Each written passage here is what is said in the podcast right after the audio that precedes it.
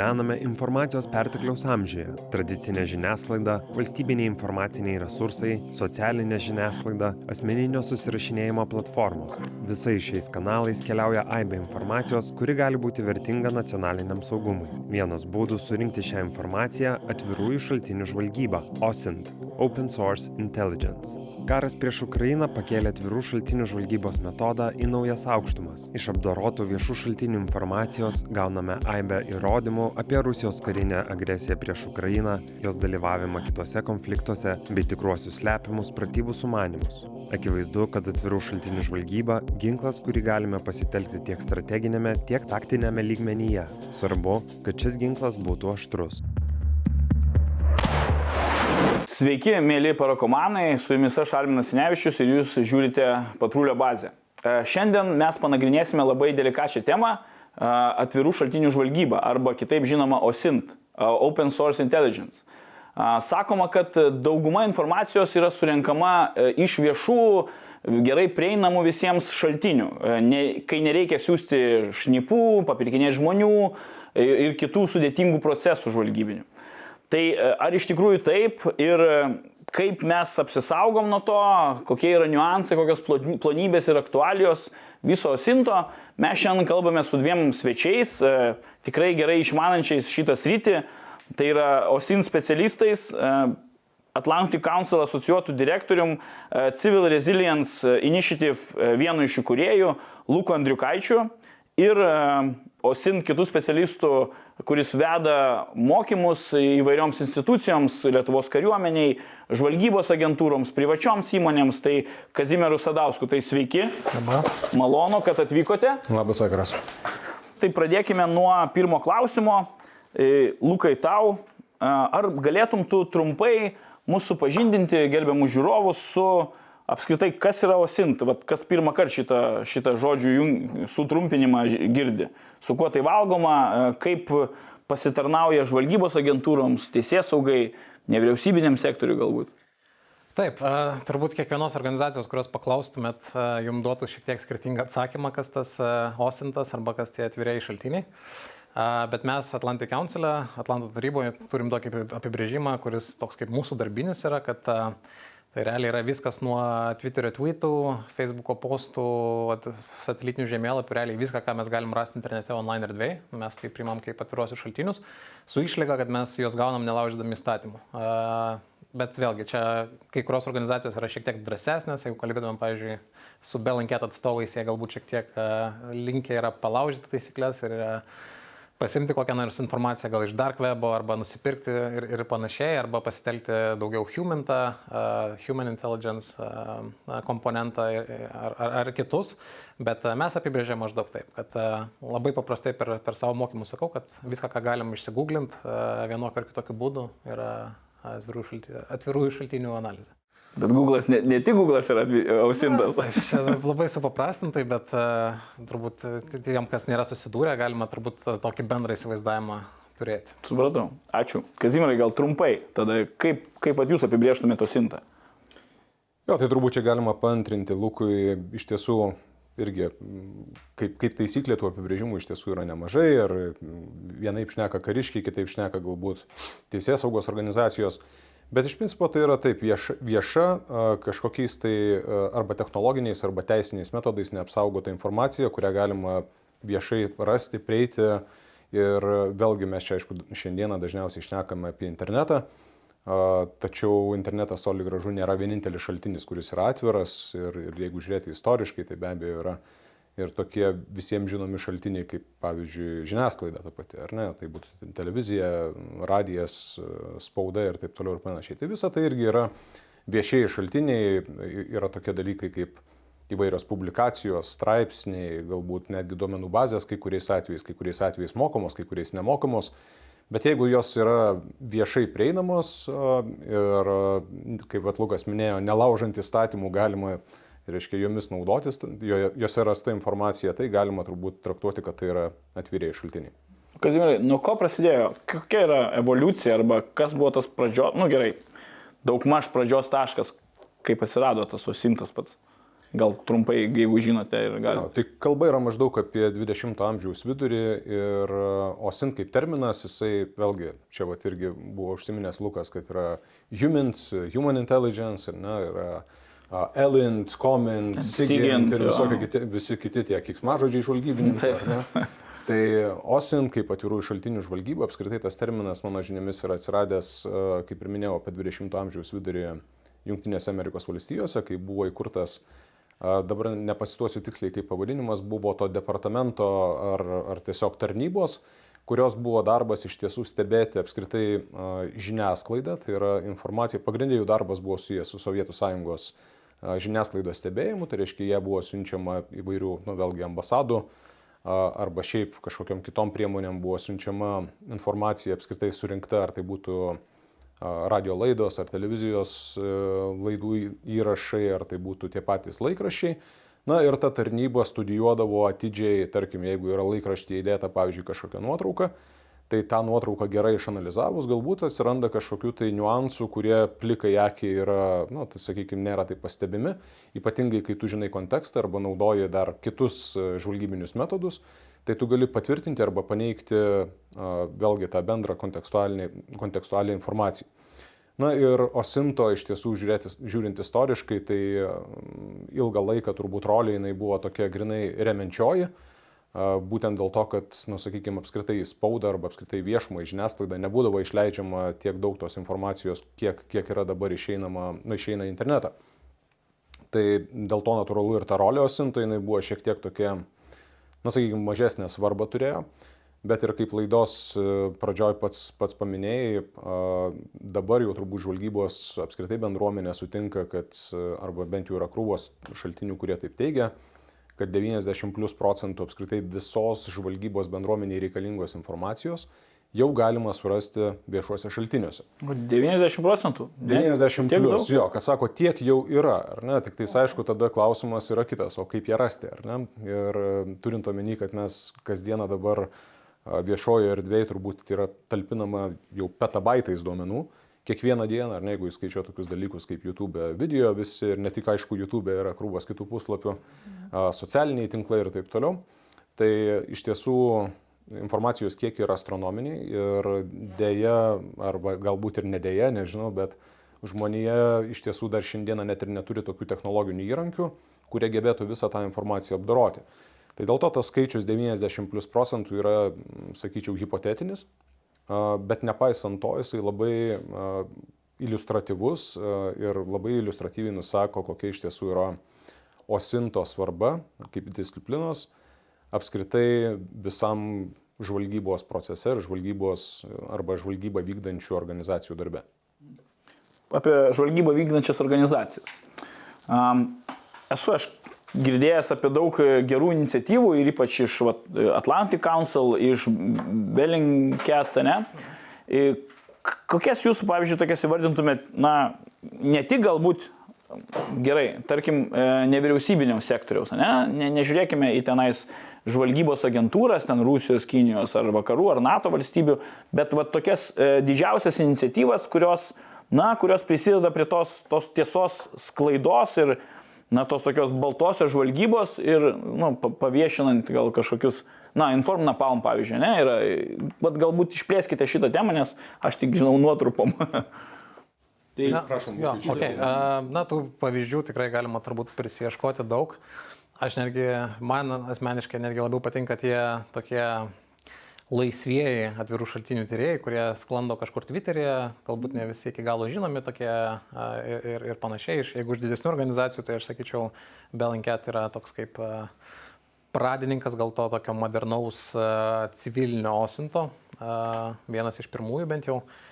Kitas labai, labai patinkantis man yra CI Team, man atrodo, jie yra ukrainiečiai irgi dirbantis, aišku, specifiniais kariniais klausimais. A, Vėlgi, DFR labas šiek tiek numigravo, ta organizacija, kuriai priklausau, šiek tiek numigravo gal daugiau į kovą su dezinformacija, tarp, tarp mūsų tyriejų, kurie dirba grinai su Osintu, gal, gal dviese be, esame belikę tik tai, a, bet vėlgi aš sakyčiau, kad labai įdomus yra tie tokie a, pavieniai, a, pavieniai tyrėjai, kurie tiesiog, a, na, pavyzdžiui, kaip, kaip pavyzdys, žmogus domisi a, dabar jo nepasakysiu, Twitterio slaptažodžiu, bet jisai domisi ISIS, ISIS važinėjančiais na, sp- sprogmenimis. A, Tai tokios ant, ant į mašiną pri- pri- pridėta. pridėta Vehicle Born ID. Exact, jo, būtent. A, Ir tai viskas, ką jis daro. Tai jisai kasdieną tame sėdi. Toks čia yra- labai siaura tema iš tikrųjų, iš tikrųjų labai įdomu siaura. ras va tokius, va, jeigu, jeigu domiesi, tarkim, kokio nors Sirijos konfliktu, ne, arba ISIS, arba dar kažko ras, būtent žmonės, kurie tik tą daro. Kažkas domisi vien Šiaurės Korejos, nežinau, ginkluotė, kažkas domisi vien, kas vyksta Ukrainoje ir panašiai. Na, čia turbūt irgi galima paminėti tą patį, jeigu aš neklystu, Chai Sutton yra Twitterio mm, username'as, kuris e, domisi povandeniniais laivais. Ir išpaišo ten, reiškia, skerspjūvis, irgi įdomus faktas, reiškia, dirba būtent su Microsoft Paint'u. Ir, ir nupiešia tokio detalumo ten tuos, kad atrodo, žinai, ten kažkokiais Photoshopais ir panašiai, reiškia, daryta. Tai va, bet e, aukščiausio lygio specialistas, kadaise dirbęs Junktinių valstijų, reiškia, apskritai turbūt e, ar žvalgyboje, ar, ar kariuomenėje, aš dabar, ne, reiškia, detalių nežinau. Papildant, galbūt galima irgi pasakyti, kad yra tokia kategorija nevyriausybinio organizacijų, kurios dažniausiai yra smulkios ir susijusios su a, tam tikra vietinė specifika. Tai kaip pavyzdys galėtų būti kokios, reiškia, a, kaip čia prekyba žmonėmis, ne, human traffickingo dalykai, kas susiję arba kažkokios vietinės problemos, tarkim, Afrikoje arba Pietričio Azijoje, kur, pavyzdžiui, tokie dalykai kaip a, brokonerystė, ar ne? Ir yra nevyriausybinės organizacijos, kurios irgi vykdo konkrečių tokių temų žvalgybą, pavadinkim, renka informaciją, daro žurnalistinius tyrimus, nes reikėtų turbūt irgi teisybės dėliai pastebėti, kad nuo tokio klasikinio žurnalistinio tyrimo iki, iki osinto, tai iš tiesų yra vienas žingsnis, gal tik tais tiek, kad žurnalistai, jie aišku, dar tiesiogiai dalyvauja, nu, arba tiesiogiai bando informaciją išgauti iš žmonių, kas jau būtų kariniai žvalgybo arba bet kokio kitoj institucionalizuotoj žvalgyboj, tai jau būtų laikoma humantu, ar ne, žmogiškosios žvalgybos operacijom. Galima, o tai galima sakyti, kad, pavyzdžiui, blogeriai, ten youtuberiai, kai kurie irgi galbūt kažkiek daro tą. Nu, pavyzdžiui, Skirmanas Malinauskas. Manau, kad taip. Nes jis tik renka kažkokius duomenis, pateikia viešai ir panašiai. Čia, žinot, čia gal reikėtų Bet čia pridėt, toksai gal jau jo, čia pritempimėjimas. Tam tikrą prasme aš manau, kad kiekvienas iš mūsų tą daro, nes kas yra, kas yra osintas? Tai yra tikslinė informacijos paieška a, viešuose šaltiniuose, naudojant arba nenaudojant tam tikras metodikas, technikas, įrankius ir taip toliau ir panašiai. Tai žmogus, kuris googlina tam tikrą prasme, jisai osintą atlieka. ar ne? Bet gerai, tai dar prie, aš norėčiau grįžti prie tų think tankų arba tų, nu, didelių, pavyzdžiui, nu, ir pats Lukai, kur, kuriam dirbi Atlantic Council. O, ko, kokius iš, išskirtumėt? e, Jamestownas dar toksai yra, ne? E, Gal plačiau trumpai apie ką, ką jie vykdo. Va, tie, ten, aišku, daugiau akademiniai galbūt tyrimai irgi yra. Jo, aš tai, aš sakyčiau, kad tie didieji think tankai daugiau turbūt koncentruojasi į tokią, na, tą klasikinę think tankų veiklą. A, ben- Bendriau žiūri viską, ne? Tai dažnai, dažniau aš sakyčiau, kad būna osintas kaip komponentas jų kažkokios studijos ar kažkokio raporto. A, O jeigu jau kažkas koncentruojasi, tai kaip ir Council atveju, tai būna kažkoks mažas departamentas, keli žmonės, o, o visi kiti dirba tą tokį klasikinį, klasikinį darbą. Tai vėlgi kažkokio tai labai didelio pavyzdžio gal nepaminėsiu, aš dar pasakysiu, kad atskira kategorija, kurios mes taip pusiau aptariam, pusiau ne, tai kad a, didieji a, medijų centrai vis labiau įsitraukia į tą tokį, sakyčiau, tikrą osintą, kaip a, New York Times arba, arba CNN, kurie daro tikrai... Tyriamoji žurnalistika, jo, sakant. ne? tokia tyriamoji žurnalistika, bet kuri iš tikrųjų labai panašiai tai, ką daro tos a, NVO, kaip apie kurias kalbėjom, arba, arba tie centrai. Kaip pavyzdys, New York Times prisiviliojo irgi iš Belanketo vieną iš, iš uh, tyriejų, Christian Tribert, kuris buvo labai senai uh, Belanket ir po tiesiog perėjo ir, ir dabar priklauso jų tyriamai a, žurnalistikos kaip kažkur, kažkuriam iš tų de- departamentų pačiam New York Times. Tai vėlgi ta riba labai, labai nusitrina, nes jeigu pažiūrėtumėm nors vieną iš jų video, tų New York Times, tai atrodo tikrai, kad Belanketą darė, ne? tai viskas yra su sateliniais žemėlapiais, su knisimusi kažkokios tai social media accountos ir panašiai ir panašiai. Tai ta riba tokia slidi. O tai žiūrėkit, gal galite tada įvardinti konkrečius, tarkim, rezonansinius įvykius, e, nu, kaip tyrimus, kurie, na, turėjo tokią netgi pasauliniu mastu, na, svarbą didelę. Nu, ku- kuris tai pirmas? čia turbūt jo yra plačiai nuskambėjus tokiu atveju MH17 numušimas, ar ne? Malazijos oro linijų lėktuvas. Teisingai, jo, tai vėlgi, aišku, jau, jau minėti Belinket, jie išmesinėjo ten tą atvejį skersai išilgai ir atkapstė iš tiesų tą informaciją, kaip, kaip ir kas tą padarė, ar ne, kas konkrečiai vykdė, kaip keliavo uh, netgi ta būk įranga, ar ne, kaip jinai atkeliavo iš, iš Rusijos federacijos teritorijos į Ukrainos teritoriją, kokie konkretų žmonės dalyvavo operacijoje, kaip buvo gražinta ta visa technika ir taip toliau ir panašiai. Bet vėlgi čia reikėtų pastebėti, kad tai buvo tam tikras miksas, sakykime, osinto ir neosinto priemonių. Ne? Tai lygiai taip pat netgi jau tokios, na kaip sakyt, angliškai tai būtų covert operations, ne, o lietuviškai net nežinau, čia kažkokios tai Paslėptos operacijos. priedanga ar ne veikimas, arba nu, tas pats human intelligence, ar ne, arba žmogiškoji žvalgyba. Tai čia vienas iš tokių gars, garsiausiai nuskambėjusių atvejų, aišku, yra gausybė smulkesnių, kuriuos tas pats, pavyzdžiui, Inforno Palmas yra apie Rusijos federacijos agresiją Ukrainoje išaiškinęs, kaip ten, na, vieną konkretų atsimenu, yra tokia um, pakrantės gynybos sistema e, BAL, man atrodo, vadinasi. Jis 14 metais iš tiesų dar buvo tik tai įtraukiama į Rusijos federacijos ginkluotę. Jokios informacijos faktiškai nebuvo viešoje erdvėje apie tą sistemą, jokių nuotraukų ir taip toliau ir panašiai. Ir vat, Inform Napalmo savanoriai, jie užpelengavo kažkokį tai jauną leitenantą, kuris e, Kryme, iš tiesų buvo disloku, jo dalinys buvo dislokuotas iš pradžių Kaukaze, Ir paskui jie pastebėjo, kad, kad buvo tas dalinys perdislokuotas į Krymą.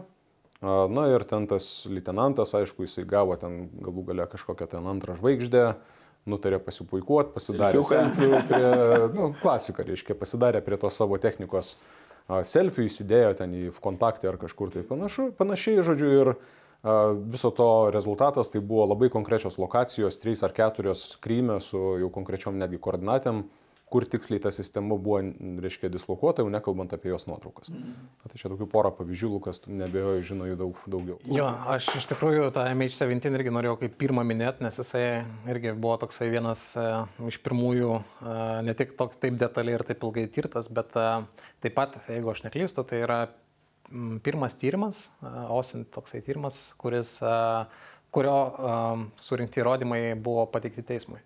Tai realiai e, tarptautiniam teismui ir, ir, ir tai jau toks kaip, e, na, pirmas kartas, kuomet tai, tai žiūrima taip jau visai, visai rimtai. A, mum, kaip a, DFR Lab organizacijai, mum a, didžiausias tyrimas, toksai visako pradžia buvo Hiding in Plain Sight, toksai raportas, geriau žinomas turbūt Vice News iš to padarė reportažą, kuris vadinasi Selfie Soldiers. a, irgi apie Ukrainą, jeigu teko matyti, tai visa esmė buvo, kai, kai, kai dar nebuvo labai populiarus tas knisimasis socialinių medijų anketose, mūsų bendradarbiai padarė analizę. Ir kuomet Ukrainoje dar buvo viešai neigiama Rusijos, kad Rusijos kariai ten dislokuoti, a, maži žali žmogeliukai. 2.14, pr- čia vasara. Na, nu, pradžia. E, 2014 metai, tai, bet e, mūsų tyrėjai grinai išanalizavo ir rado e, daug, daug nuotraukų, kurias toliau, sugeolokavo. Ir e, vie- vienas iš to tyrimo, tokių kaip žvaigždžių, e, jaunas karys iš, e, dabar galvoju, ar iš Ingušėtijos, ar kažkur iš vidurio, Kaukazo. iš, Kaukazo, iš vidurio, vidurio Rusijos, kuris tiesiog, kurio buvo atsekta visa kelionė iš, iš vidurio Rusijos iki pat Ukrainos. Ir žurnalistas Vice News tiesiog keliavo į tas pačias vietas, darėsi viet, tose pačiose vietose nuotraukas ir galiausiai viso tyrimo pabaiga buvo, kuomet jisai pasibeldė jo, jo duris ir jo žmona atidarė. Nu, taip, ta, ta prasme, buvo labai vaizdžiai parodyta, kad, kad galima atknisti ir parodyti, parodyti visą, visą kelionę. Tai va, tai nuo to netgi ir prasidėjo iš tikrųjų DFR labas, nes a, tie žmonės, kurie tą tyrimą parašė, a, galiausiai, galiausiai kūrė ir tą organizaciją, kurioje, a, su kuria bendradarbiauju ir aš. Bet e, man tada kyla klausimas, vat, jūs pateikėt pavyzdžius, o kiek, nu, kiek galima e, osinto metu, na, specialistai, kai renka informaciją, kiek galima pasitikėti duomenimis ir vis tiek reikia, na, atrinkti tuos e, duomenis, kurie yra, nu, galbūt tai yra fejkas, galbūt tai yra tiesiog išmesta, kad klaidintų, arba, va, tai kokie pagrindiniai gal iššūkiai osinto ir, ir kaip, kokiais, na, kaip ta informacija vie- viešai prieinama tampa va, ta tikrąją informacija, kuria naudojama. Kazimirai, Na, tai jo, galiu aš e, šiek tiek minčių šitoje vietoje. Tai labai geras pastebėjimas. Iš tiesų viena iš tokių kertinių uh, žvalgybos kažkokias užduotis vykdančių, nu, vykdant, reiškia, tas užduotis, viena iš tokių kertinių dalių tai yra vadinama šaltinio patikimumo vertinimas. Ir uh, dažniausiai uh, ar tai būtų, nu, sakykime, teisės saugos institucijos ar kažkokios tos pačios karinės žvalgybos institucijos, dažniausiai yra tam tikros kitos priemonės žvalgybos ir tu tada bandai patvirtinti arba paneigti skirtingais žvalgybos būdais surinktą informaciją. Ir čia yra vienas dalykas. Kitas dalykas tai yra tai, ar tu prieš tai esi gavęs iš to šaltinio kažkokią informaciją ir jinai, ar jinai pasitvirtino. Kitaip tariant, tu negali niekada vieną kartą iš vieno šaltinio paėmęs informacijos nuspręsti, kad jinai yra patikima ar nepatikima. Ir visiškai teisingai pastebėta mano galva, kad tos sintas, jisai turi vieną tą nu, tokį didelį trūkumą, galima pasakyti, jeigu tu į jį vien į jį remiesi. Yra sudėtinga kartais patikrinti, kiek ta informacija, kurią tu radai, iš tiesų kiek jinai yra patikima. Tai vienas tiesiog vienintelis būdas tai yra dar kartą ieškoti tos pačios informacijos kitų šaltinių, kurie patvirtintų tą informaciją, kurią tu radai. Tai kitaip tariant, nu, daryti kažkokias tai plačias išvadas, radus kažkokią tai sakykime, nu, kaip čia anglai sako, juicy, ne, information, arba kažkokia tai pikantiška informacija, tai, tai nėra galbūt labai išvalgu. Yra aišku tokie metodai, kaip, kaip pirmiausiai to paties šaltinio tyrimas. Ne? Tai reiškia, kad jeigu, nu, paprastai tariant, jeigu tai atėjo iš ten kokio nors plačiai žinomo šaltinio, nu, tarkim, minėtas ten, nežinau, New York Times ar, ar kažkas panašaus, tai tikimybė, kad tai bus patikimesnė informacija yra nebūtinai šimtų procentų, aišku. Bet jinai bus daug didesnė, negu ten rasi kažkokiam tai keistam blogė. Nors ir labai bus įdomi ta informacija tam keistam blogė, na, bet reikėtų tikrai pasistengti ją patikrinti. Dėl ko? Dėl to, kad iš tiesų yra jau gausybė pavyzdžių ir vėlgi, na, čia turbūt netolima perspektyva, tai yra tas pats Ukrainos konfliktas ar ne ar karas Ukrainoje. Tai yra, kai abi dvi pusės sąmoningai platindavo tam tikrą informaciją, norėdami arba kažkokius tai galbūt politinius dividendus kai kuriais atvejais užsidirbti, kai kuriais atvejais suklaidinti priešininką, dar trečiais atvejais galbūt kažkokią pasikelti savo karių moralę, nu tų priežasčių gali būti labai įvairių. Tai iš tiesų yra geras pastebėjimas, kad nu, visą laiką reikia labai kritiškai vertinti visą informaciją, kurią randi viešuose šaltiniuose. Ir man priminėjai vieną nuotrauką, aš atsimenu, irgi buvo viena nuotrauka, kur e, maždaug bomba įstrigusi į sunkvežimį, man atrodo, yra ir ten per Ukrainos televiziją rodo, kad čia Rusijos bomba, per Rusijos televiziją rodo, kad čia Ukrainos bomba, o per Al Jazeera rodo, kad čia iš vis kažkur Irake konfliktas vyksta. Atrodo, ta pati nuotrauka, trys skirtingi, na, televizijos, trys skirtingos rodo tą pačią nuotrauką. Mm. Na, čia klasika visiškai. Čia visiškai klasika. Tokių pavyzdžių yra iš tiesų ne vienas ir ne, ir ne du. Jo, čia netgi vienas toks, vienas einamiausių, lengviausių būdų, kur dezinformacija, ne, kuomet paėmė kažką, kas jau vyko anksčiau, arba paėmė iš, iš kitos vietos nuotrauką ir patikė taip, kad a, a, kaip įvyko čia ir, ir dabar. Tai čia kaip, kaip tas pavyzdys su, su įstrigusią bombą yra labai geras, kuomet a, dirbi su dezinformacija ir, ir vienas iš pirmųjų žingsnių yra pasitikrinti, ar, ar to jau nebuvo kažkur anksčiau papausinta. Bet iš tikrųjų tai nėra sunku patikrinti, man atrodo, jeigu tu žinai šaltinius, įrankius. Tikrai, jo, iš tikrųjų čia vienas iš tokių, kai dirbam su medijų raštingumu, tai vienas iš pagrindinių būdų ir, ir ką, ką ir mokom, kad pasitikrintų uh, atvirkštinė vaizdo paieška iš vienos pusės nuotrauką, iš kitos pusės pasigūglintų ir pasižiūrėtų, ar to, to jau iš tikrųjų nebuvo. Mhm. O grįžtant prie, prie iššūkių, tai taip, cross-referencingas mes, mes tai vadinam yra, ir, ir kuo iš platesnių kuo iš skirtingesnių šaltinių gausi panašius rezultatus, to bus geriau. Tai kaip pavyzdys, jeigu, jeigu mes tyrėme kažkokią tai neleistinų ginklų naudojimą Sirijoje, ne, kaip pavyzdžiui tos padegamosios bombos, fosforo bombos, tarkim, ir turime gerą video, kurį galim sugeolokuoti, kad jisai įvyko tam tikrą mieste, tai, tai yra gerai, tai mes galime įtarti, atitinka geolokaciją, galbūt atitinka orą ir, ir kitus dalykus. Bet jeigu dar ant, e, turime, tarkim, satelitinių nuotraukų iš tos dienos ir matome degimo žymes e, per satelitą, tai jau du taškai informacijos ir jau ta informacija tampa kur kas, kur kas patikimesnė. Tai čia e, tobuliausia, jeigu galima rasti iš skirtingų taškų, a, nufotografuotą, nufilmuotą, kažkaip tą informaciją, ją daro kur kas, kur kas vertingesnė. Labai įdomi pradėjai pasakoti. Gal gali kažkokių konkretesnių iš vat, savo tyrimų, iš konfliktų zonų, vat, nu, konkrečių pavyzdžių, kad mūsų žiūrovam būtų na, aiškiau suprasti, ką, ką galima susurasti. Ir vat, pats, pats asmeniškai, ką, ką esi radęs Jo, galbūt. a, galbūt toks įdomesnis pavyzdys a, iš a, Azerbaidžiano ir Armenijos, iš Kalnų Karabacho konflikto. A, čia jau kai jis ėjo į pabaigą. A, Armenai apkaltino Azerbaidžiano pusę, kad jie naudoja tas būtent padegamasis bombas.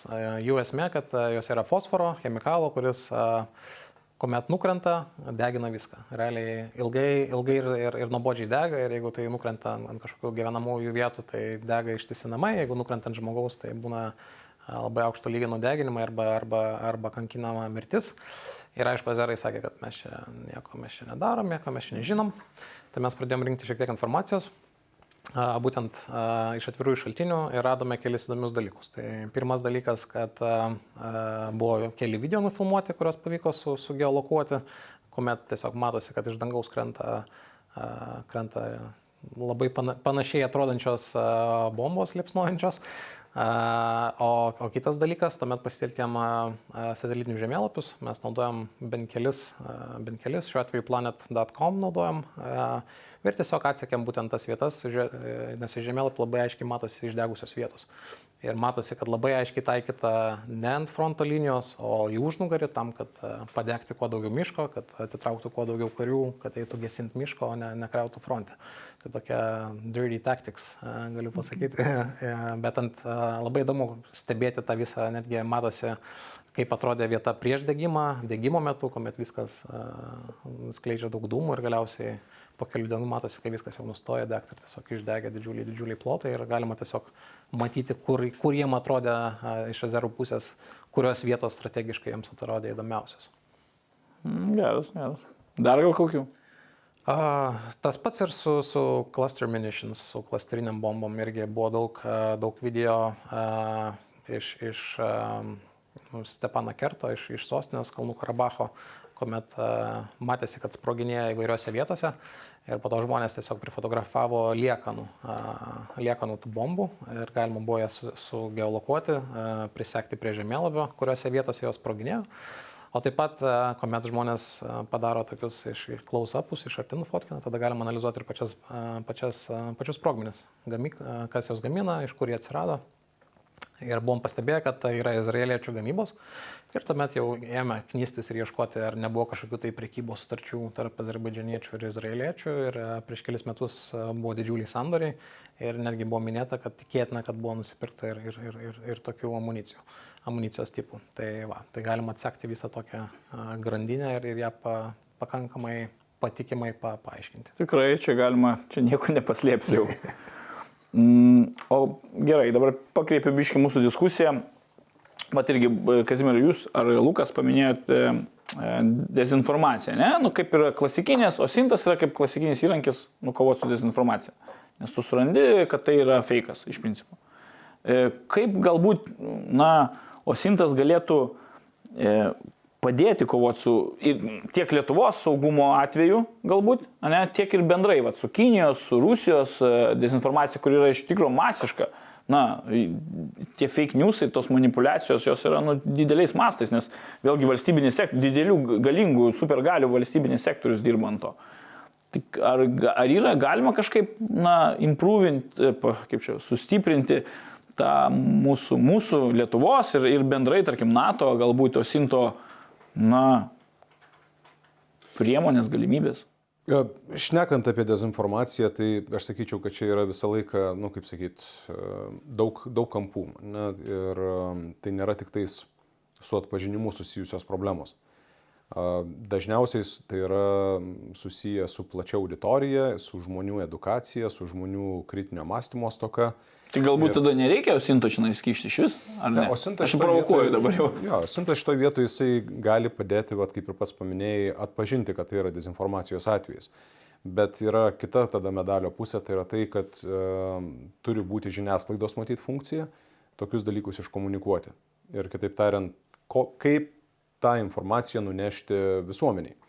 Čia yra mano su, supratimu pati didžiausia problema dėl to, kad specialistų, kurie moka atpažinti, kad tai yra dezinformacija, mes jau turime ir Lietuva kaip, kaip šalis, apskritai Lietuvos institucijos yra, aš sakyčiau, visai neblogam lygiai, pakankamai pažengusios bendram pasauliniam kontekste. Tai atpažinimas iš tiesų nėra, nėra tokia didelė problema ir kaip pavyzdys tai, ką daro ten strateginės komunikacijos departamento analitikai Lietuvoje, tai yra, tai yra puikus darbas. Problema yra ta, kad e, visuomeniai ta informacija nėra nunešama. Todėl aš manau, kad čia visgi yra ne, nu, bendrai paėmus neosinto funkcija. Mhm.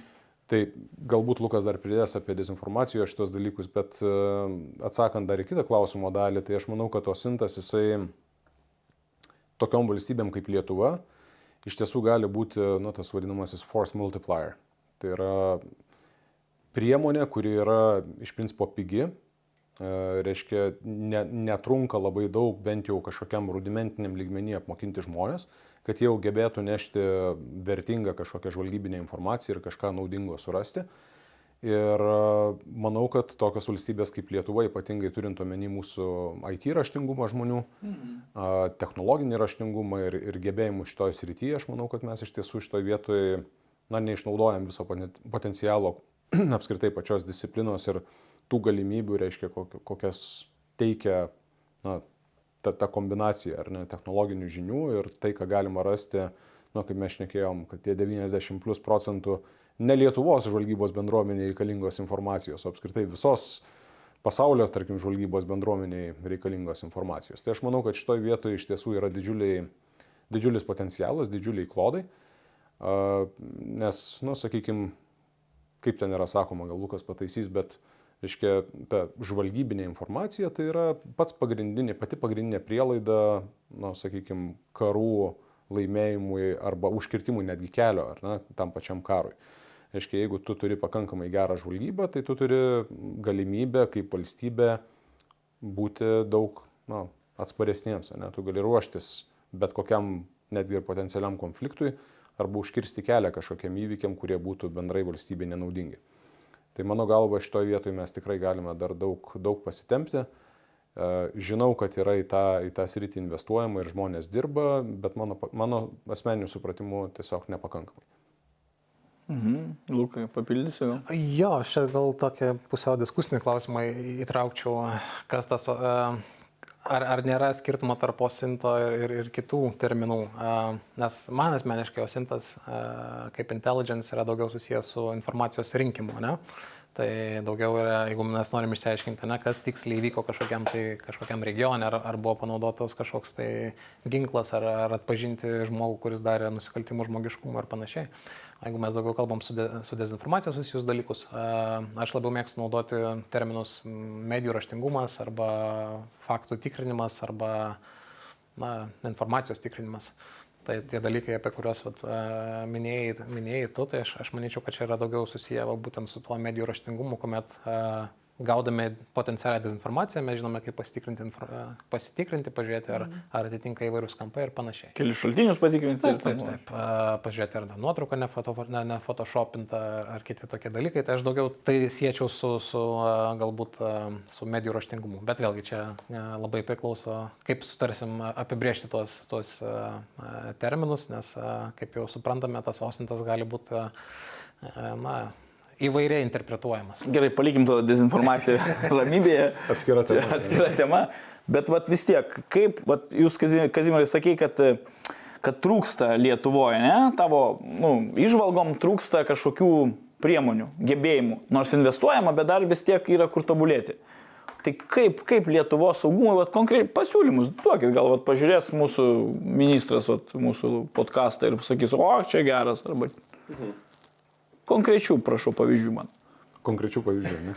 Kaip galima sustiprinti Lietuvos saugumą būtent to sinto vat, e, tokioj sferoje, srity? Tai pirmiausiai, tai turbūt irgi yra specialistų rengimas, nes čia yra numeris vienas mano supratimų dalykas. Aišku, čia yra gausybė problemų. E, aš čia kažkada taip irgi skaičiavau, žiūrėjau, sakykime, nuo to momento, kai, na, nu, pavyzdžiui, karinė žvalgyba, tarkim, nutarė užverbuoti žmogų, ne, pradėti dirbti Lietuvos labui, sakom, va, mums reikalingas OSIN specialistas, ne, ir su kokiam tada problemom susiduria. Pirmiausiai, tas žmogus turi, nu, galbūt būti ne pacifistas, ne, ir, ir turi domėtis, tarkim, nu, sakyti, okei, okay, man tai yra primtina. Tada kitas dalykas, prasideda jo tikrinimo procesas, reiškia, kiek jisai ten patikimas, kokia yra jo šeima, kokia yra jo istorija, kas yra per jo draugai aplinka ir taip toliau ir panašiai.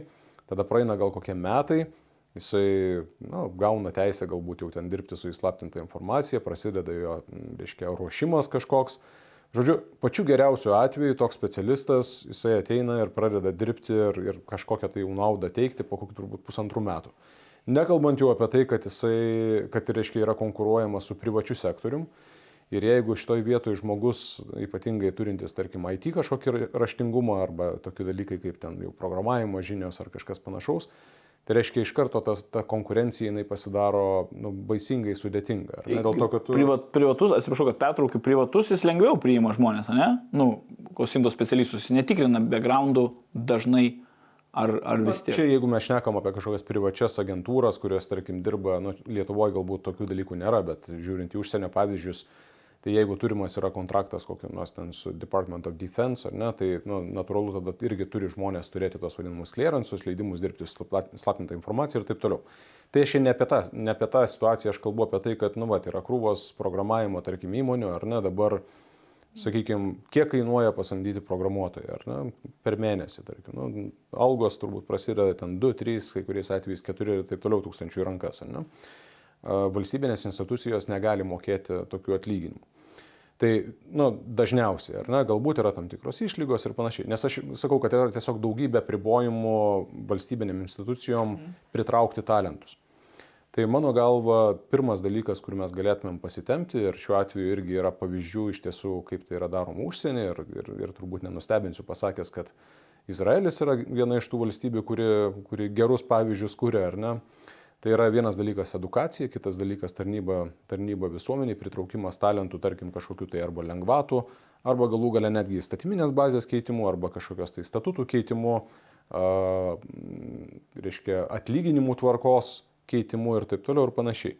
Kitaip tariant, jeigu tai yra kritinės svarbos personalas, jeigu tu, kaip sakyt, kaip institucija identifikuoji, kad šitoje vietoje yra tam tikra galimybė, tai mes turime kažkokiu būdu tą biurokratinę inerciją eliminuoti.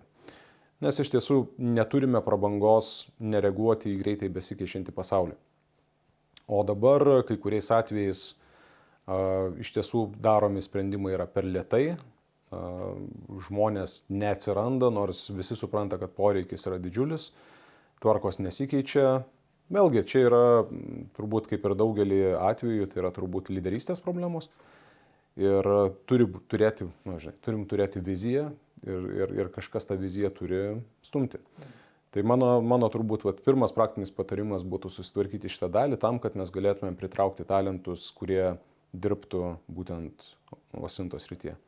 Jo, ta, nežinau, čia, čia labai įdomi tema, kurią palėtėm. Aš sakyčiau, kad galima žengti dar vieną žingsnį ir reikėtų šiek tiek mums kaip valstybei atsis, atsisijoti ir atsi, atsirinkti sampratas, ne, kas, ta, tarkim, suprasti, kad online erdvė visgi yra tikrosios erdvės tasa. Čia buvo nesenai daug, daug furoro sukelta apie tai, kad elektroninė policija pradės veikti. Ne? Tai jo, ten yra tos tokie slidus reikalai kaip laisva, laisva minties raiška ir, ir panašiai, bet tuo pat metu ta online erdvė gali duoti labai daug apčiopiamos, apčiopiamos naudos, jeigu mes ją suprantame kaip na, tikrosios erdvės tasą. Ne?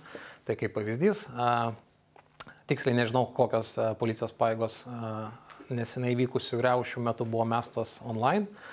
Bet a, realiai geri OSINT specialistai galėjo tuos akmenų mėtytojus susirinkti, atpažinti labai labai greitai, nes a, buvo iš visų pusių filmuota, buvo, buvo kai kurie patys save filmavo a, ir panašiai ir panašiai. Tai jeigu mes pripažįstame ir suprantame kaip visuomenė, kad internete kas, kas klinda yra, na, pirmiausia, galbūt plačiau negu žvalgybinė informacija, nes mūsų žvalgybinis įstatymas yra gan ribotas, kiek, kiek man teko susipažinti. Ne visi gali rinkti tą žvalgybinę informaciją, atsakyti tuos etinius klausimus, ne? ar kas gali Lietuvoje rinkti informaciją, kaip giliai, ar gali apsimesti kitų žmogumų rengdamas tą informaciją, ar galima netgi naudoti, tarkim, AI, Artificial Intelligence, kaip veido atpažinimą, ar tai yra etiška ir panašiai ir panašiai, tai visus šitos klausimus reiktų atsakyti. Bet jie nėra sureguliuoti iš principo Lietuvoje, ar, ar yra? Nėra. Tai aš tikrai nesileisiu ir neapsimesiu, kad esu didelis ekspertas įstatymų, bet a, iš žvalgybinės pusės žinau, kad yra problemų, nes yra tik tai kelios organizacijos, kurios teisiškai gali rinkti, gali tą, rinkti žvalgybinę informaciją. Tai vėlgi, niuansų, niuansų nežinau, bet a, turėtų būti labai aiškiai atskirta. Ir, e, na, vėlgi, e, turėtų būti investuota, aš visiškai pritariu, ką Kazimiras sakė, kad turėtų būti, e, ypač, manau, policijoje mes tos didelės pajėgos, kad kontroliuoti tai, kas, tai, kas veikia, tai, kas vyksta viešoji tokiai online erdvėjai ir iš ten, na, apsi, pasilengvinti tiek savo darbą, tiek, mhm. tiek efektyviau viską daryti. Nes dažnai turbūt žmonės online jaučiasi laisviau negu realybėje, kaip sakė. Tikrai taip. Buvo labai, labai geras video po, po protestų, kuomet kažkoks veikėjas sakė, kad a, kokia gera diena, kad galiu mesti policiją akmenį ir man nieko nebus. Pažiūrėsim, ar tau nieko nebus, nes tavo video Instagram'e pasirodė. Tai, tai vad būtent aš manau, kad e, reikėtų atsakyti pirmai pradžiai kaip visuomeniai klausimus ir na, labai aiškiai tiek pirmiausia įstatymų prieimėjams, tiek po to pertikti viską, viską visuomeniai. Gerai, o dar yra kažkokių dalykų. Nu, žmonės visą laiką yra čia, e, žmoni, žmogiškas resursas jis visą laiką yra, nu, kaip sakant, į ką galima investuoti. O, nu, nežinau, galbūt skatinti kažkokių nevyriausybinių organizacijų kūrimąsi, ne? Arba ateimą gal užsienio pas mus. Čia vėlgi labai tokie įdomus, įdomus klausimai, ne, kurie irgi remiasi tai, kokią informaciją galima rinkti ir kokią informaciją galim patikėti privačiam sektoriui. Tai čia e, galbūt Kazimiras galės daugiau pasakyti, bet aš iškart pakreipsiu temą, kad reikėtų daugiau investuoti į na, software, į priemonės, kurios gali padaryti daug dalykų už mus, būtent už technologijas. Ir vėlgi bus man ir pačiam labai įdomu išgirsti apie IMINT.ai, ką jinai daro, bet vėlgi daug to darbo, kurį gali specialistai daryti, technologijos kuo toliau, tos sparčiau galės daryti labai labai greitai. Kaip pavyzdys, veidų atpažinimas yra nuotraukų sulyginimas. Tai dabar yra nemokamų tam tikrų technologijų, kurios internete tokios pusiau patikimos, pusiau ne, bet tai tik pirmas žingsnis. Tai, tai gali padaryti, palengvinti institucijų darbą labai labai daug. Tai iš principo, o sinto domenų auto, automatizavimas toksai su sisteminimas, ne, kur įrankiai yra tiesiog programos, softwares. Jo, na, jeigu, kaip pavyzdys, jeigu kalbam apie geolokaciją, ne, geolokacija vienas yra mano mėgstamiausių tokio osinto būdų, bet taip pat toks kaip ir pats pagrindinis dalykas - išsiaiškinti, kur kažkas vyksta. Žiūri nuotrauką ir bandai išsiaiškinti, kur ant žemėlapio, kurioje vietoje tas. Ir vyksta. kurio laiku. Ir kurio laiku, ne? Tai čia yra labai daug žmogiškojo resurso tas suvalgantis dalykas, kuomet uh, ieškai, bandai, bandai e, iššifruoti tam tikras detalės nuotraukoje, bandai pasitikrinti, ieškai tam tikrų uh, tau prieinamų satelitinių žemėlapių iš, iš įvairių uh, tiekėjų, kad galėtum sus, susitapatinti, kur būtent įvyko tas įvykis. Tai jeigu atsirastų kažkokios tai priemonės, kurios tai padarytų už, už, už tyrėją ir tyrėjų reikėtų tik tai pasižiūrėti, ar, ar tikrai sutampa, ar jei neklysta, arba bent pa, pa, parinkti penkis variantus, iš kur jam pasirinkti, tai uh, tai spartina, spartina mūsų darbą. Jo, iš tiesų yra tokių iniciatyvų ir bandoma yra kurti tokias technologijas, man pačiam yra tekę to nemažai domėtis. Tai yra tai, kaip galima būtų geolokuoti iš nuotraukos, na, sakykime, jos padarimo vietą, ar ne. Tai kaip pavyzdys vienas yra toksai projektas, kuris vadinasi Google Landmarks. Tai čia vėlgi Google projektas, kaip, kaip jau suponuoja pavadinimas, ar ne. Tai Jie, kadangi turi prieigą prie gausybės, gausybės nuotraukų, tai šiuo atveju tas, to projekto tikslas yra iš tų nuotraukų, naudojantis tom nuotraukom kaip, kaip duomenų rinkiniu, ištreniruoti dirbtinio intelekto sprendimus, kad jie gebėtų atpažinti, tai kol kas kas yra padaryta, tai atpažįsta tokius gerai atpažįstamus objektus. Na, sakykime, ten Eifelio bokštas, koks nors, ne, ten Big Benas, ar ten koks nors tas uh, Londono The Eye ar net tas ratas besisukantis ir taip toliau ir panašiai, ten piramidės kokios nors. Bet manau yra laiko klausimas, kol, kol bus sekantis kažkoks tai žingsnis žengtas. Ne? Ir konkrečiai, kai mes patys su komanda gilinomės į šitą problemą, tai buvo įvairių idėjų, kad pavyzdžiui, na, vėlgi, pamodeliuojant situaciją, ar ne, tarkim, padaryta kokia nors nuotrauka paplūdimyje. Na ir tada klausimas, tai gerai, tai kur čia tas paplūdimys galėtų būti? Ne? Tai galbūt e, jau smeigtuko neįsmeigsi, ne? Nu, dėl to, kad vėlgi ten yra tūkstančiai kilometrų tų paplūdimių, kurie ten daugiau mažiau visi vienodai atrodo? A, Bet yra kitas dalykas, tai yra tai, kad, nu vėlgi, iš karto atkrenta visa, kaip sakyti, žemės masė, kur yra nepakrantė, ar ne, vienas dalykas. Kitas dalykas, tada tu gali vėlgi naudoti, tarkim, to paties dirbtinio intelekto kažkokius sprendimus, kurie, pavyzdžiui, atpažįsta augmenyje. Tokiu būdu eliminuoji, nu, iš karto tai, kažkurias platumas, ar ne, kur žinai, kad tie augalai neauga. Metimo būdu tokiu tam tikru. Jo, nu, vienas iš, iš pavyzdžių, jo, tai ta prasme tokia dedukcija, a, paskui galbūt irgi gali pasižiūrėti tokius dalykus, kaip ten, nu, sakykime, Smėlio spalva, tarkim, ne? nu, smėlio spalva arba frakcija, ar ne, nu, čia, čia vėlgi jau truputėlį fantazijos prasideda, ar ne, bet aš manau, kad mes prie to prieisim dėl to, kad tai yra laiko klausimas, kol kažkas paims ir pra- pradės fokusuotis į vieną kažkokią konkrečią problemą. Čia, vat, kaip, kaip buvo tas pavyzdys su automobiliuose taisomais ar net tos uh, improvizuotais uh, sprokstamaisiais užtaisais, tai kažkas vat, vieną tokią problemą pasiema ir sprendžia. Tai vat, kažkas pasims ir sako, vat, kaip man pavyzdžiui atpažinti uh, iš smėlio frakcijos ir spalvos, kuriuose pasaulio vietose yra tokie, tokie paplūdimiai. ar Ne? Nu, čia vėlgi truputėlį fantazija skamba, bet mokslininkai tokius dalykus daro. Lygiai taip pat kaip yra jau programėlės, kurios atpažįsta augalus, juos nufotografavus, tai tu gali paskui tuos dalykus kombinuoti ir, ir tokiu būdu kurti naujus įrankius. Va čia labai irgi įdomi mm, pakrypo mūsų diskusija į tą dirbtinį intelektą, tą ketvirtą pramonės revoliuciją, kur ten big data atsiranda visokie ten robotika ir panaš, panašus dalykai. Čia buvo vienas geras labai pavyzdys. Gal dar yra kokių pavyzdžių, kaip vat, technologiškai tas artificial intelligence gali, na, tiesiog, na, amortizuoti ir, ir, ir pakelti osintą į, na, gal net ne dev- ne 90 plus, o bus 98 procentai žvalgybinės informacijos iš osinto. Na, vat vienas irgi iš tokių siaurų taikymų, bet labai konkrečių uh, pavyzdžių ir čia atsakant galbūt Luko klausimą šiek tiek, tai yra tai, ką mes su savo komanda darom, tai yra uh, konkrečių karinės technikos modelių atpažinimas iš vizualinės medžiagos, iš vaizdinės medžiagos, ar tai būtų video, ar tai būtų nuotraukos kažkokios, ar ne. Tai savaime ta, ta technologija, jinai nu, nėra ar osinto technologija, ar kažkokia kita technologija, ar ne, tai yra tiesiog, kaip sakyt, na, algoritmas, kuris geba tą padaryti. Ir tada yra klausimas, kaip tą galima kūrybingai išnaudoti. Ne? Tai vat, vienas iš pavyzdžių, prie kurio dabar ir dirbam, tai yra, kad renkama informacija iš, iš atvirų šaltinių automatizuotai, sakykime, tie patys pagrindiniai socialiniai tinklai, visokie Instagramai, Facebookai, TikTokai ir taip toliau ir panašiai. Na ir tada truputėlį žingsnį atgal dedant, kokia yra karinė žvalgybos, sakykime, analitikui, kokia yra pati įdomiausia informacija.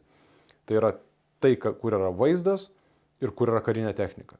Ne? Čia yra pats pagrindinis dalykas. Kai tokį dalyką randai, sakai, o, čia yra tai, ką, ką aš noriu analizuoti. Tada tu jau ten knisies, kas ten per, kaip sakant, konjunktūrą visą, kokios ap- aplinkybės, kur tai įvyko, galbūt ten kokie daliniai ir taip toliau ir panašiai. Bet esminis momentas tai yra rasti tą informacijos vienetą, kur, kuris nu, vat, yra būtent su karinė technika. ar ne? Ir dabar kokia yra problema, tai yra tai, kad žmonės turi iš tiesų peržiūrėti, nu, aš čia taip pašaržuosiu visokių kačiukų ir šuniukų e, gausybę ar kažkokios senos informacijos, kuri yra jau nebenaudinga, nes vėlgi priminsiu žvalgybos darbe, nu, pageidautina ta, geriausias atvejis tai yra, reiškia, jeigu tu gauni informaciją apie tai, kas dar neįvyko. Nu, tai čia tobulas toksai variantas, ne? bet kita vertus, jeigu tai nepavyko, nu, tai reiškia, tu turi gauti informaciją apie tai, kas jau įvyko, kiek įmanoma greičiau. Ir vėlgi viskas susiveda į žmogiškuosius resursus. Jeigu tu kaip analitikas uh, sėdi prie kokio nors ten Twitterio, kaip pavyzdys, ar ne, ir uh, tavo darbas yra per dieną pažiūrėti ten 30 tūkstančių ar 50 tūkstančių tweetų praskrolint, na, kokia gali būti darbo kokybė, ar ne, kai, kai šitas dalykas yra, sakykime, žmogui tiesiog, nu, tu atbunk, atbunki, pavargsti ir taip toliau ir panašiai. Tačiau tokius automatizavimo uždavinius labai gerai sprendžia kompiuteris. Ir jeigu tu jam sukuri kažkokią tai smegenų lastelę, kuri sugeba atpažinti kaip pavyzdys va, tą pačią karinę techniką, ar ne, tai viskas, tau iš karto nusibraukia gausybė darbo, tau kaip analitikui, tau atlaisvėja ten 80 procentų resursų, tavo darbo laiko ir tu jau juos gali skirti analizai, kas, ką žmogus iš principo daro daugiau ne- negu, negu kompiuteris. Tai čia yra vienas iš tokių pavyzdžių, sakykime, kaip ir minėjau, siauro taikymo, bet kaip technologijos gali pagelbėti osinto darbe. O gerai, tai kokių konkrečių pavyzdžių pasakykit, prašau, puslapių ar įrankių, kur galima, nu, tarkim, kur kas padėtų na, ne neausintų gal, bet, pavyzdžiui, vartotojams, ne, pasitikslinti savo, nu, vat, kažkokią informaciją, ne, kad, kad ten ar paveiksliukas, ar jis yra teisingas ar neteisingas. Vienas iš pirmų pavyzdžių tai yra atbulinė paieška pagal paveikslėlį. Ir tą mes galim daryti kiekvienas, tą siūlo didėjai paieškos varikliai, mm, Google'as, Bingas, Yandexas tas pats, kuris beje su, su paveikslėliais iš tiesų, kaip taisyklė, dabar dirba daug geriau negu, kad, tarkim, Google'as arba Bingas. Na, čia daugiau dėl teisinių apribojimų, tas vadinamas bendrasis duomenų apsaugos reglamentas, jisai labai stipriai apriboja šitos dalykus ir panašiai. Bet uh, turi paveikslėlį, nori pasižiūrėti, reiškia, ar, ar tas paveikslėlis buvo naudotas dar kažkur.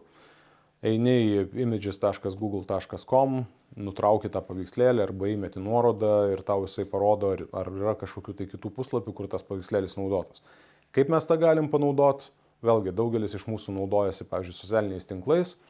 Na ir tarkim, koks, nežinau, profesinis, LinkedInas, pavyzdžiui, ne, gauni pakvietimą, kažkoks neaiškus žmogus, nei, nei tu jį pažįsti, nei ką, bet norėtųsi pasitikrinti, ar čia yra tikras žmogus ar netikras. Ne?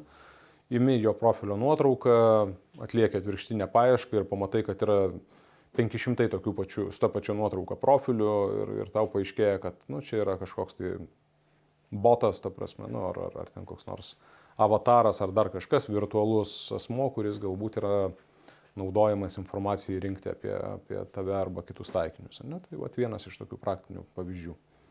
Mhm, čia labai, labai naudinga iš tikrųjų tas. Bet čia irgi, čia jau daugiau yra tas raštingumas medijų. Jo. Negu sintas. Jo, bet vėlgi turbūt eiliniam paprastam civiliui, žmogui, kuris yra na, paprastas informacijos vartotojas, aš manau, kad jam turbūt yra aktualiau medijų raštingumo visi, visi klausimai negu, negu, negu osinto. Tai jo, tai čia, kaip, kaip ir Kazimiras sako, čia aš, aš, aš pritariu visiškai, kad čia yra toks pirmas, pirmas dalykas, kaip per, per Google pasi, pasitikrinti raktažodžius, taip yra lygiai taip pat a, a, pasižiūrėti a, vaizdinę informaciją. O, o jeigu kalbam daugiau apie osintą, tai aš sakyčiau, vienas pirmųjų dalykų tai yra išmokti pagrindinius geolokacijos metodus, kaip pasitikrinti, kur iš tikrųjų tai yra nuotrauka daryta, Ir vėlgi tai yra dalis, dalis medijų raštingumo, ne? nes jeigu kas nors tau rodo nuotrauką ir sako, kad va, vyksta didelė COVID pandemija Italijoje, žmonės krenta negyvi gatviai, kas jau atrodo įtartina, ir tada pasižiūri, kad ta nuotrauka ne iš Italijos, o iš Frankfurto, dar labiau įtartina ir, na, irgi toksai prisikabinti, kaip, kaip, kaip mes sakom, prisikabinti prie, prie žemėlapio yra vienas iš geriausių tokio osinto mhm. pirmųjų žingsnių. Geras. Na, aš gal dar papildyčiau, turbūt bent jau iš grinai praktinių įgūdžių perspektyvos, uh, tai bent jau iš mano patirties, be net dažniausiai, jeigu esi įvaldęs tų vadinamų paieškos operatorių naudojimą, arba būlin paieškos dar vadinamos, tai yra loginiai paieškos operatoriai, ar ne, įvairių žodeliai and or, įvairių simboliai, skliaustai, uh, tie paieškos operatoriai, kaip ten koks nors uh, file type arba ten uh, site ir taip toliau ir panašiai. Tai valdant tuos operatorius, kurių nėra iš tiesų labai daug, ta prasme tikrai galima, nu ten yra fantazijos iš tiesų klausimas, kaip tu juos naudoji ir įgūdžių be abejo, bet tokius bazinius įgūdžius tikrai galima labai greitai, nu, kaip sakyti, susirinkti ir įvaldžius paieškos operatorių naudojimą galiu iš patirties pasakyti, kad paefe, nu, efektyvumas padidėja informacijos rinkimo kartais. Nes dažnai žmonės tiesiog neranda elementarių dalykų, kurie guli penktam Google puslapį.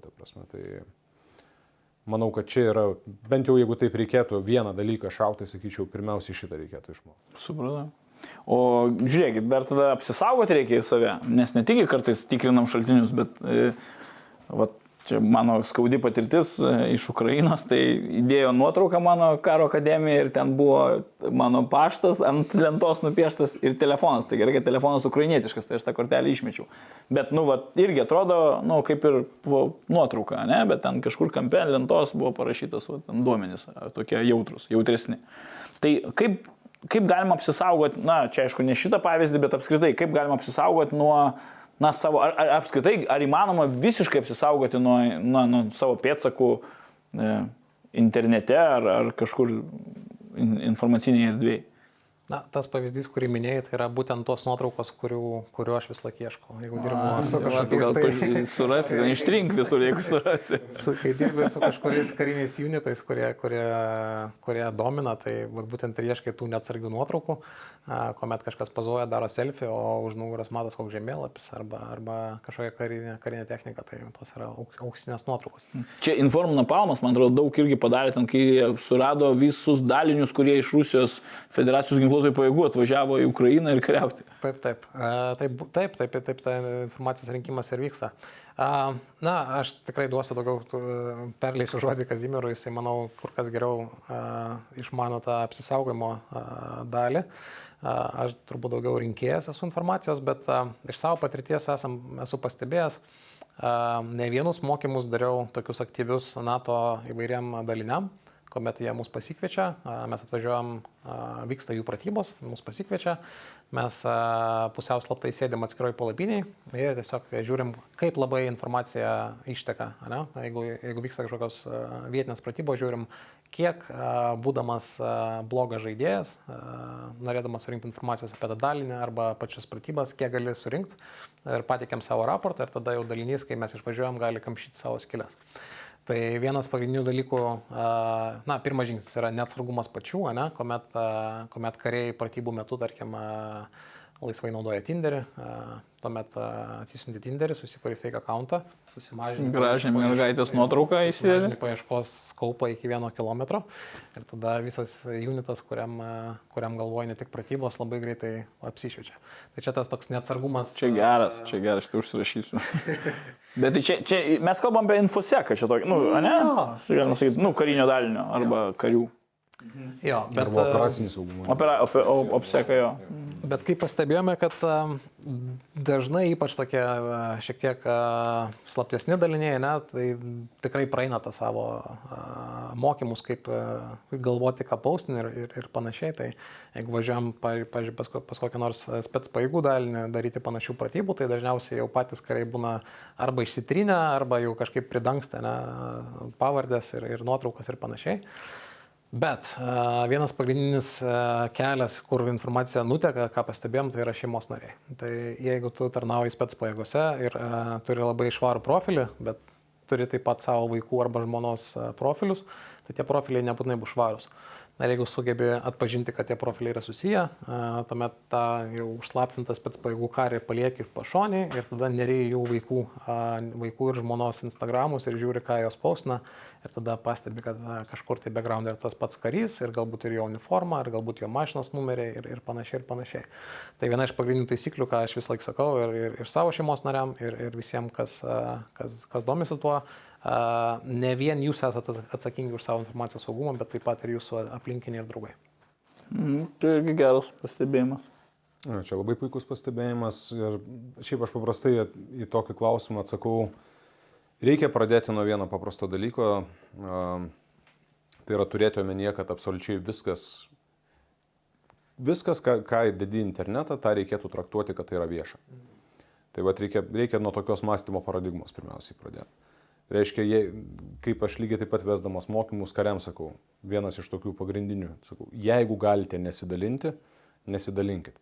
Reiškia, pirmiausiai reikia prezumuoti, kad tai bus absoliučiai visiems vieša.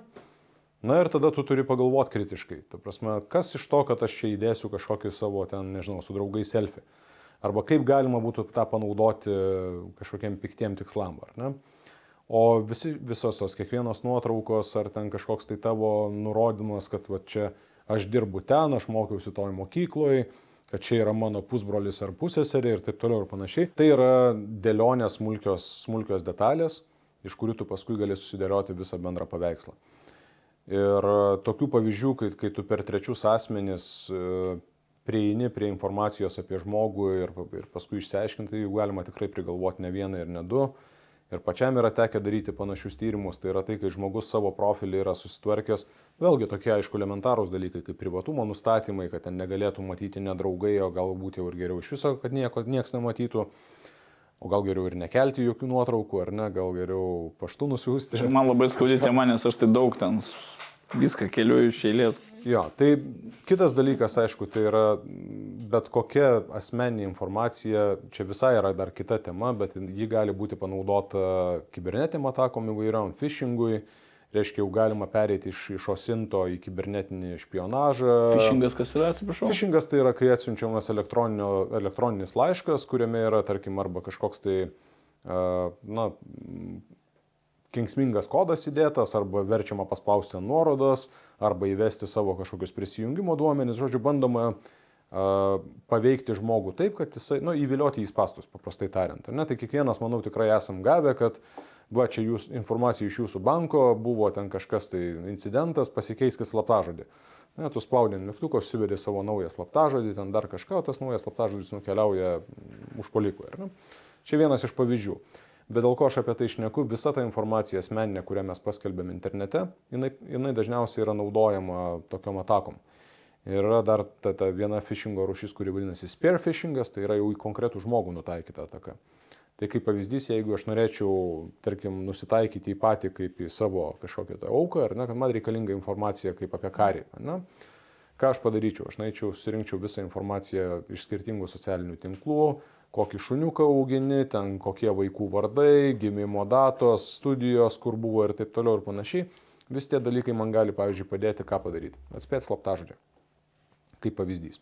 Nes dažnai žmonės masto tokiom pačiom paradigmom. Ten koks nors Petras 123, ne, arba ten Jonas 1977, ten gimimo metai kokie nors, arba ten Ciucikas Bobikas 666, ar ne?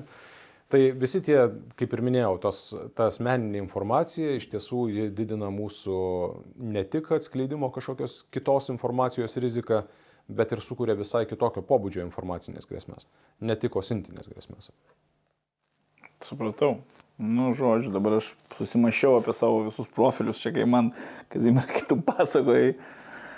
Nu, gerai, tebūnie, palikim šitą man viduje. Čia yra ilga ir įdomi tema, žinai. Pavyzdžiui, nu, dabar aš galvočiau, dabar aš biškai paprovokuosiu jūs, bet, vat, nu, tai kas ten manim domėsis, kažkoks, nu, eilinis žmogelis, ne, pilietis Lietuvos, nu, arba ten, jeigu tu šaulių sąjungo, kai esi dar kažkur, nu, kasgi čia, Namų duris Rusijos ž- FSB domėsis manim, nu, ne. Namų duris rakinė, ar ne? Nu, taip. Tai Čia lygiai tas pats. Kaip Lukas sakė, ta prasme, čia yra mūsų jau tapę visiškai mūsų kasdienybės dalimi ir, ir tai yra tiesiogiai susiję su mūsų, su mūsų realiais Gyvenimu. fiziniais gyvenimais. Ta Prasme, mūsų bankų sąskaitų, kiek, kiek grinų turim, ar ne, procentaliai. Iš ten kiekvieno turimo tūkstančio eurų, kiek, kiek yra kešo. Ta Prasme, viskas yra elektroninėje erdvėje. Mūsų gyvenimai yra persikėlę arba persipinę su ta elektroninė erdvė. Tai manau, kad yra mažų mažiausiai neatsakinga jos nesaugoti. Taip, bet čia mes kalbam tik tai apie paprastus civilius, o ne jau kalbam apie kariškius arba, arba žmonės, kurie dirba kažkokiose potencialiai įdomiose struktūrose, Seimo nariai, kažkokių ministerijų darbuotojai ir panašiai. Tie žmonės, kurie, kurių informacija gali būti pavokta, bet kurie taip pat gali būti, na, blackmailinami, ne? Tai jeigu, tarkim, kaip pavyzdys, iš, iš kokio kariškio ištrauks, ištrauks kažkokią informaciją, kurios, kurios jis nesako savo žmonai, tarkim, Ir a, toliau su juo susisieks, sakys, aš ištraukiu iš tavęs tokią informaciją ir jeigu dabar nepasakysi, jo, tai yra Čia verbavimas. šantažavimas, verbavimas.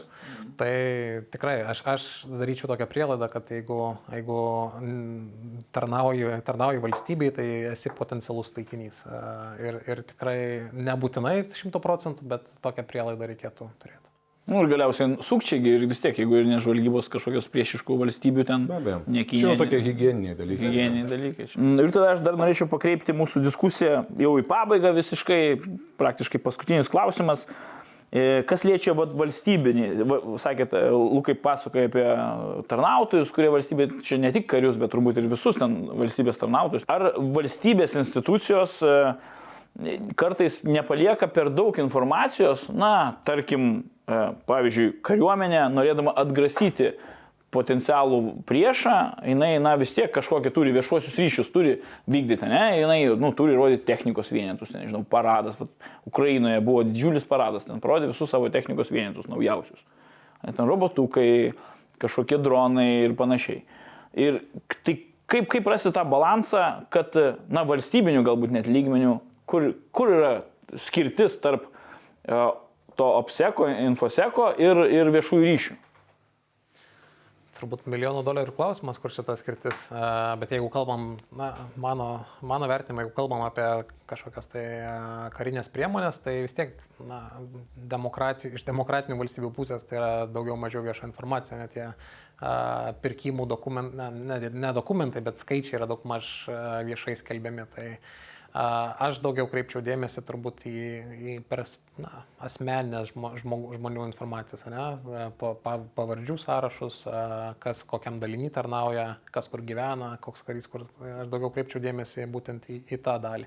O dėl karinės technikos, tai vėlgi man atrodo, kad ta, tos priešiškos valstybės tai seniai turi tą informaciją ir joms senai įdomu ir, ir ten jos per daug, per daug ir neprislėpsi, bet gal Kazimirai tu kitaip turėjo. Jo, aš pritarčiau, tokie dalykai kaip karinė technika, jos, jos kiekiai, tai dažniausiai tai yra pakankamai lengvai prieinama informacija ir tai, kad ten pravažiuoja kažkas paradė, tai aš, aš galbūt to nesibaidyčiau ir tai, tai turi kitus privalumus, tai yra tas ir show of force vadinamas ir galų galę savo, savo valstybės piliečiam parodyti, kad nu, mes esam čia kaip kariuomenė, ar ne? Per pratybas, pavyzdžiui, Jo, fotkintis. bet va, yra kita dalis, tai yra būtent, tai yra tas operacinis saugumas jau, jau pačių operacijų. Tai va čia yra, aš manau, svarbu, ta prasme, reikia į tą kreipti dėmesį, reikia, reikia edukuoti žmonės, e, tuos pačius karius, kad, nu, jau nekalbant apie tai, kad, ta prasme, ten savo kažkokias asmeninės e, nu, mobilių telefonų ten nuotraukos, ta prasme, kad tai turi būti tabu, ar ne. Bet netgi tų pačių kariškių, viešųjų ryšių specialistai, jie turi būti renkti ir jie turi suprasti, kad fotografuojam nu, ir tai, kas yra už kadro, ar ne, ir tai, kas yra fone galbūt už karinės technikos. Ir reikia galvoti tiesiog apie tai, ką ta, ką ta nuotrauka, ką jinai gali atskleisti. Teisybės dėlį reikia pasakyti, kad iš tiesų tai, kas Lietuvos tuose bendrių kariuomenės viešuose profiliuose darosi, aš visą laiką stengiuosi žiūrėti tuo to, tokiu vat, kritiško, kritišku, na, tokiu žvalgo, reiškia, žvilgsniu, sakykime, ir kaip aš galėčiau tą informaciją panaudoti. Dabar situacija yra visai, visai nebloga mano galva. Ta prasme, kad yra tikrai galvojama, ne, nededama bet ko, tos nuotraukos yra kokybiškos, reiškia, žmonės dirba turėdami omenyje tą operacinio saugumo dalį. Pantrinsiu Lukui dėl, dėl žmonių apsaugos, vėlgi čia yra tam tikrų pavyzdžių ir netokių gerų. Vienas iš pavyzdžių galėtų būti, kai aš dariau tokį nu, mini, mini auditą ir a, pasižiūrėjau, ką galima surasti, pavyzdžiui, apie karo akademijos, ne, vad minėjom, reiškia, prieš tai. Tai irgi išsitraukiau sąrašus kursantų su jų pažymiais, a, trimestruose ten ir taip toliau, ar ne? Užsirašau, Kazimirai. Tai šitą informaciją buvo nusiusta ten, kur reikia, bet A, kitas dalykas - viešai prieinama krūvos, pavyzdžiui, metodinės medžiagos, ne, iš kurios yra rengiama, rengiami kariškiai. Mano galvo, tokių dalykų neturėtų būti viešoje erdvėje viešai prieinama, nes, nu kaip sakyti, kai tu žinai viską, tai tu žinai tada silpnasias vietas. Ne? Jeigu tave, žinai, kad rengia pagal tokią programą, žinai, pagal ką nerengia. Jeigu tu žinai, kad e, šitas yra geresnis studentas, o šitas yra prastesnis studentas, galbūt tai yra potenciali irgi informacija verbavimui paskui ir taip toliau ir panašiai. Tai čia yra svarbus dalykai, mano galva. Jau net nekalbant apie kiberinfrastruktūrą, nes pavyzdžiai, kaip, kaip neseniai įvyko su URMO, užsienio reikalų ministerija, tai na, tokių dalykų turėtų, turėtų nevykti valstybėje. Arba kaip pavyzdys prieš, dabar neatsimenu. Kaip nutekėjo duomenys, tu kalbė, ne? Taip, kai buvo pa, na, pavokti, pavokti duomenys, asmeniai susirašinėjimai, e-mailai, e, saugumo pažymos ir kiti dalykai. Arba kaip pavyzdys, kuomet buvo, neatsimenu, kurios e, įstaigos, bet buvo užlietas Rusys e, su serveriais ir daug. Registrų centras. Registrų centras, būtent. Tai tokių, tokių liapsusų tikrai neturėtų būti. Čia, čia jau yra. Nu, bet čia jau nebe Osinto. Čia jau nebeosinas. Tai gerai, tai ką, ačiū labai Jums už dalyvavimą laidoje, buvo, manau, tikrai įdomi diskusija. Tai gerbiami žiūrovai, susitiksime kitose podkastuose.